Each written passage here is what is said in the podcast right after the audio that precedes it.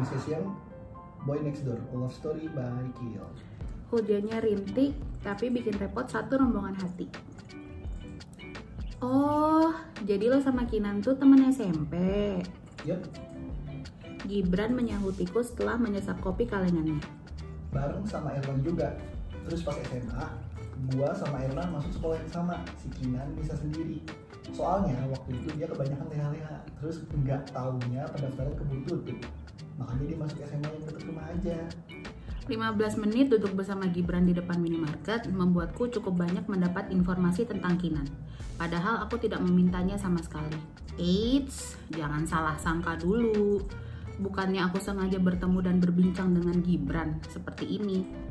Tapi, sewaktu mampir ke minimarket untuk membeli minuman dingin sepulang kuliah, sosok Gibran sudah ada di dalam duluan dan sedang membayar di kasir.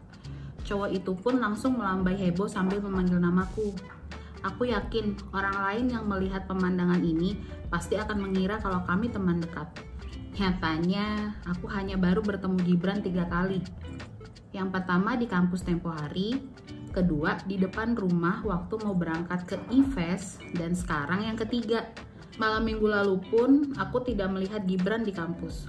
Selesai menonton penampilan Sheila on Seven yang terakhir sekaligus penutup acara, Kinan langsung mengantarkanku ke depan gerbang lalu meninggalkanku tepat ketika sosok Leo muncul dan langsung mencerocos heboh kalau dia mencariku ke sana kemari. Plus, mengomel karena nomor ponselku tidak bisa dihubungi.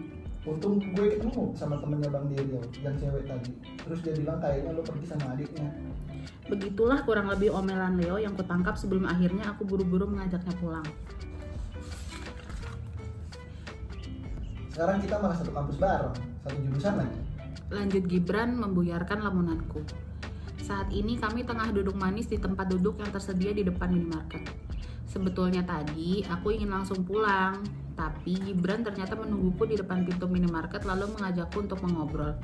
Biasanya sih, aku bakalan menolak karena canggung bicara dengan orang baru.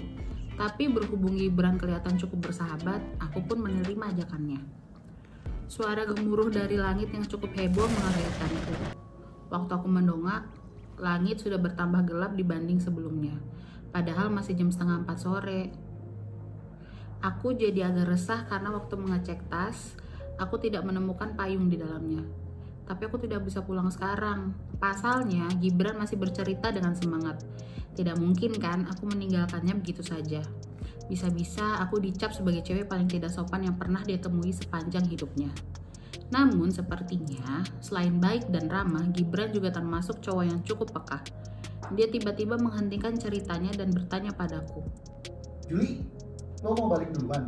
Kalau iya nggak apa-apa, takut keburu hujan. Ditawari begini, aku malah makin tak enak hati. Kasihan juga karena kelihatannya Gibran bukan tipe orang yang suka ditinggal sendirian, tidak seperti aku. Kulihat sekarang Gibran sedang menggerutu karena Kinan tak kunjung datang juga. Katanya tadi Kinan pergi membawa mobilnya untuk menjemput salah satu temannya karena mereka mau mengerjakan tugas bersama. Namun, Kinan lupa memberikan kunci serep rumahnya dan membuat Gibran terjebak di luar, sedangkan tidak ada siapa-siapa di dalam rumah Kinan. Nah, kalau sudah tahu ceritanya begini, kan tidak mungkin aku tega meninggalkan Gibran di saat sebentar lagi sudah pasti hujan deras. Lo mau tunggu Kinan di rumah gua aja nggak? Tawarku dengan hati-hati. Emangnya boleh? Tanya Gibran tak kalah hati-hati. Kontan aku tertawa karenanya. Hehe. Boleh lah. Daripada sendirian di sini, tenang aja. Nyokap gue baik kok, nggak galak. Gibran menepuk tangannya kuat-kuat, kemudian berdiri mendahuluiku. Ayo Juli. Ucapnya penuh semangat.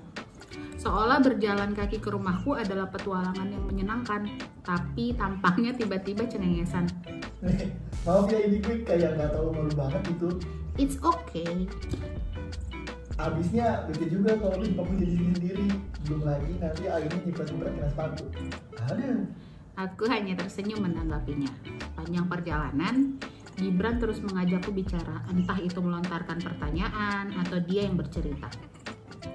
Dibandingkan dengan Kinan yang cukup diam ketika bersamaku, Gibran jauh lebih cerewet. Bahkan belum sempat aku menjawab pertanyaannya, dia sudah mulai berbicara lagi. Tapi aku tidak keberatan kok dengan hal itu. Berhubung aku memang tidak punya banyak teman dan jarang berinteraksi dengan banyak orang, cerewetnya Gibran masih bisa kutoleransi. Gue kira lo anaknya pendiam banget gitu tau. Emang enggak? Tanyaku sambil mengerling geli. Maksudnya yang sampai pendiam nggak mau ngomong gitu loh. Kan gue punya mulut, Gib. Masa gue nggak ngobrol? Nah, itu maksudnya lo tuh masih suka nyautin gitu. Jadi lo nggak masuk kategori cewek pendiam kalem. Nah, Ultimatum tersebut membuatku tertawa. gue emang jarang banyak ngomong anaknya, soalnya temen gue juga cuman sedikit dan paling kalau ngobrol ya gue cuman bahas tugas kuliah aja. Tapi merekanya sih kalau curhat gue dengerin. serius. Tanya Gibran dengan nada tak percaya. Matanya melebar melihatku sementara aku mengangguk ringan. Kok lo bisa hidup sendiri begitu? Aku semakin menatapnya geli. Omongan lo kayak gue hidup di dunia ini sebatang kara tau nggak? Maksud gue tuh, kok bisa lo nggak punya CS gitu loh? Bukan sekali dua kali aku mendapatkan pertanyaan serupa dengan ini. Biasanya pertanyaan begini aku terima dari keluarga terdekatku, seperti tante dan om pada saat acara keluarga. Kadang aku bingung kenapa semua orang kelihatan heran kalau aku tidak punya banyak teman. Padahal sebetulnya kan itu hal yang normal-normal saja. Aku senang kok dengan kehidupan sosialku yang pas-pasan ini. Di kampus, aku cuma dekat dengan Stella, tapi seperti yang ku bilang pada Gibran tadi, kedekatan kami hanya sebatas teman kuliah yang cukup akrab. Aku jarang bercerita ini itu pada Stella, tapi aku selalu mendengarkan dengan baik setiap kali Stella curhat tentang berbagai hal personal yang dialami. Jadi jumlah teman yang cukup dekat denganku sejak sekolah memang bisa dihitung jari. Ada Cleo, teman akrabku semasa SMP, Tiwi, teman sebangku di SMA, juga Stella. Sisanya ya hanya teman-teman yang sebatas kenal dan sering bertukar sapa biasa. Ayo masuk, kataku saat tiba di depan pagar dan langsung membukanya lebar-lebar. Chat dulu kinannya, kasih tahu kalau lo nunggu di sini. Gibran mengacungkan jempol lalu jemarinya pun mulai sibuk menari-nari di atas layar ponselnya. Tapi tiba-tiba saja sebuah Civic Turbo berwarna putih melaju cepat di jalanan komplek dan berhenti tepat di depan rumahku. Lebih spesifik lagi, tepat di depan Gibran. Sontak, cowok itu mengumpat keras tanpa malu sambil matanya melotot tajam ke arah pengemudi mobil tersebut. Ngapain lo? Tanya si pengemudi yang kini melongokkan kepalanya dari jendela mobil. Agak brengsek ya, lo jadi manusia udah pergi pakai mobil gue, sekarang gue malah mau lo tabrak. Gerutu Gibran. Si pengemudi hanya terkekeh geli sebelum akhirnya diam dan menyadari keberadaanku. Dia tersenyum ramah padaku. Hai Juli, Dua kata tersebut berhasil membuat tungkaiku lemas dan jantungku berdebar keras. Tenggorokanku rasanya kering sehingga aku tidak tahu harus menimpali sapaan tersebut seperti apa. Aku yakin semua orang pasti sudah bosan mendengar keluhanku tentang betapa gantengnya Kinan. Aneh banget. Kenapa rasanya semakin hari dia terlihat semakin menarik? Atau jangan-jangan ini hanya perasaanku saja yang semakin menjadi-jadi padanya? Saat tenggorokanku sudah bisa berfungsi dengan baik, aku ingin menjawab sapaan tersebut. Namun niatku tertunda karena kemunculan kepala yang berusaha menyeruak di jendela pengemudi. Belum sempat aku melihat pemilik kepala tersebut, Kinan sudah lebih dulu menoyor si pemilik kepala yang otomatis membuatnya mengumpat pada Kinan. Dari suaranya yang nyaring sih sepertinya cewek, tapi aku tidak tahu siapa. Rea lo bisa diem gak sih? Heran deh gue, kayak cacing kepanasan banget. Gerutu Kinan yang sepertinya ditujukan pada cewek tersebut, lantaran dia masih saja berusaha untuk melongokkan kepalanya keluar jendela. Akhirnya, Kinan pun sedikit memajukan mobil dan berhenti saat menyejajarkan pintu mobil tersebut denganku. Nah gitu dong, gue kan mau ngobrol juga, ujar cewek misterius yang Kinan panggil menggunakan nama Ray tadi. Sekarang gantian, aku jadi yang kepingin nunduk dan mengintip sosoknya karena penasaran. Idih Gibran, ditinggal bentar doang udah iseng aja godain tetangganya Kinan. Nggak usah bacot. Sergah Gibran padanya. Setelah itu dia beralih padaku. Sorry ya, emang rada rese anaknya, nggak usah didengerin. Aku cuma tersenyum tanpa menjawab. Lo ngapain sama Juliet? Tanya Kinan. Emangnya nggak boleh? Gue sama Juliet sekarang CS kali, ya nggak? Setelah mengulang cara Kinan menyebut namaku, Gibran menyenggol-nyenggol bahuku pelan karena aku belum mengiyakan pernyataan sepihaknya tadi. Emang iya? Kali ini Kinan menatapku dengan intens. Apa sih? Kenapa dia harus bertingkah seolah-olah jawaban yang akan kuberikan adalah sesuatu yang penting buatnya? Dengan ragu dan sedikit malu aku menjawab, bisa jadi. Gibran terlihat ingin protes tak terima, tapi Kinan dengan cepat menyelanya. Gue mau juga dong jadi CS lu. Aku tidak tahu kalimat ini serius atau hanya candaan belaka. Yang jelas, aku sukses memasang raut bodoh untuk ke seratus kalinya di depan Kinan. Apa tuh maksudnya tadi? Dia mau jadi CS ku, alias teman dekatku. Iya, begitu. Ya ampun Kinan, jangankan CS, mau jadi masa depanku juga boleh. Maaf, maaf, maaf. Aku hampir gila sekarang. Jadi harap maklum saja ya. Perasaan campur aduk yang menyerangku tiba-tiba terinterupsi oleh suara cewek bernama Ray tadi yang kembali bicara. Cie cie, biasanya galak sekarang kok ramah banget sih. Mana baik banget lagi cie. Kinan kembali menoyor kepalanya, menyebabkan keduanya langsung adu pukul di dalam mobil. Aku tahu pastinya perkelahian itu hanya bercanda karena terlihat jelas kalau pukulan tersebut tidak menggunakan tenaga. Tapi satu hal yang kutangkap dari pemandangan ini, keduanya terlihat begitu akrab. Persis waktu aku melihat Kinan dan Kak Kiara beberapa waktu lalu. Di sebelahku, Gibran hanya menggeleng, seakan sudah biasa melihat pemandangan seperti ini.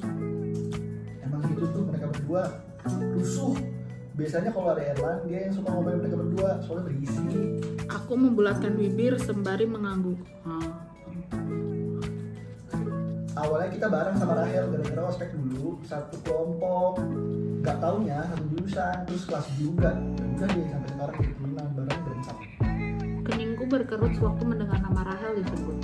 Oh, sepertinya cewek ini yang waktu itu disebut Kak Kiara dan juga ditanyakan oleh Kajian. Aku melirik sedikit ke arah Kinan dan Rahel yang masih saja saling memanggil sambil tertawa. Cantik, nama dan juga parasnya. Grimis. Gibran tiba-tiba mendongak lalu buru-buru mengusir Kinan dari bangku pengemudi saat tetesan air mengenai wajahnya.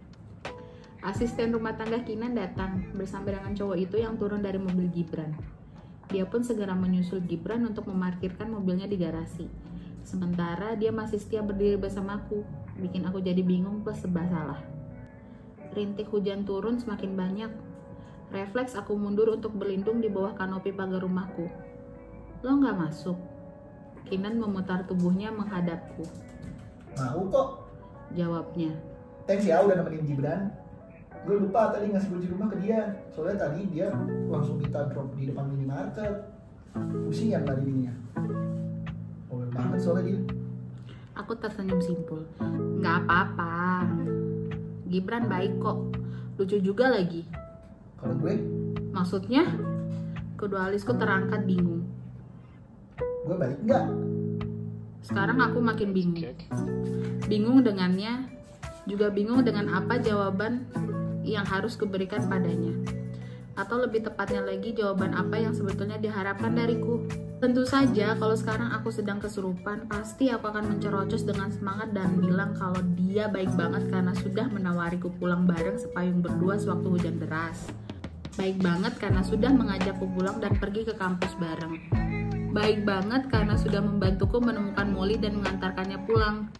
Baik banget banget banget karena sudah mengajakku nonton Sila on Seven dari posisi yang super strategis. Tapi sekarang aku dalam kondisi normal. Bukan berarti biasanya aku tidak normal. Jadi aku tidak mungkin melakukan hal itu. Baik. Banget. Jawabku pada akhirnya, soalnya Kinan terlihat enggan pergi padahal gerimis sudah jatuh semakin banyak. Jawaban tersebut berhasil membuatnya tersenyum simpul. Senyum yang begitu manis dan rasanya tak pernah bosan untuk kupandangi. Masuk Gi. Ini mau, eh bentar, Kenapa? hoodie lu bentar ya. Waktu itu kan belum jadi dikembaliin. Nanti aja. Sahut Kinan, buru-buru mencegah pergerakanku. Tapi kemudian dia malah ikut bergeser ke dekatku dan berlindung di bawah kanopi. Kemarin sampai rumah selamat kan? Perlu waktu 10 detik untukku sampai akhirnya paham kalau maksud Kinan adalah malam minggu kemarin sepulang dari Ives. Setelahnya aku malah terkekeh geli. Kenapa ketawa? Aku menelengkan kepala sembari meliriknya. Kalau gue nggak selamat, kita nggak akan ngobrol gini dong sekarang. Lagi-lagi ujung bibirnya berkedut. Dih, padahal kalau mau tertawa ya tertawa aja. Kan tidak ada yang melarang. Sorry for your date. Aku mengerutkan kening. What date? Kinan membalas dengan menaikkan sebelah alis, tapi tak mengucapkan sepatah kata pun. Please deh, aku kan bukan cenayang. Mana mungkin aku tahu maksud ucapannya kalau dia diam saja. Kata kakak gue, dia mau kamu dulu dari cowok lo. Kinan menjelaskan pada akhirnya, sementara aku semakin memasang tampang aneh. Kaget sekaligus bingung kenapa Kak Kiara masih saja menyebut Leo atau Revan sebagai pacarku. Padahal waktu itu aku sudah bilang kalau mereka bukan pacarku. Saat aku masih melamun karena bingung, Kinan langsung bicara dan mengambil ancang-ancang untuk kembali ke rumahnya. Gue balik ya. Tapi aku menangkap lengan bajunya, jadi dia mundur kembali ke bawah kanopi. Apa? Leo bukan pacar gue, Revan juga. Aku menggeleng. Maksudnya, gue bukan pacar siapa-siapa. Kinan diam dengan raut tanpa ekspresinya. Jadi aku memanfaatkan kesempatan itu untuk lanjut bicara. So, you weren't really anyone's date. Laut datar tersebut masih bertahan selama beberapa detik sebelum akhirnya dia tersenyum. Alright, then gue balik ya. Bye Juli. Kinan segera menyeberang dan menghilang di balik pagar rumahnya. Dari sini terdengar suara tawa Gibran yang menggelegar. Sepertinya Gibran dan Rahel masih menunggu sohibnya itu di depan teras rumah. Tiba-tiba saja aku merasa iri dengan pertemanan. Pantas saja Gibran heran pada kehidupan sosialku. Soalnya dia punya hubungan pertemanan yang begitu seru. Di saat aku hanya punya segelintir teman yang itu juga tidak terlalu dekat untuk bisa bercanda seheboh mereka. Seheboh Kinan dan Rahel. Diam-diam, aku juga iri pada Rahel yang bisa membuat Kinan begitu nyaman menunjukkan sisi dirinya yang begitu jahil dan menyenangkan. Book reading session. Boy Next Door, love story by Kinan and Juliet, sign out. Bye. see you.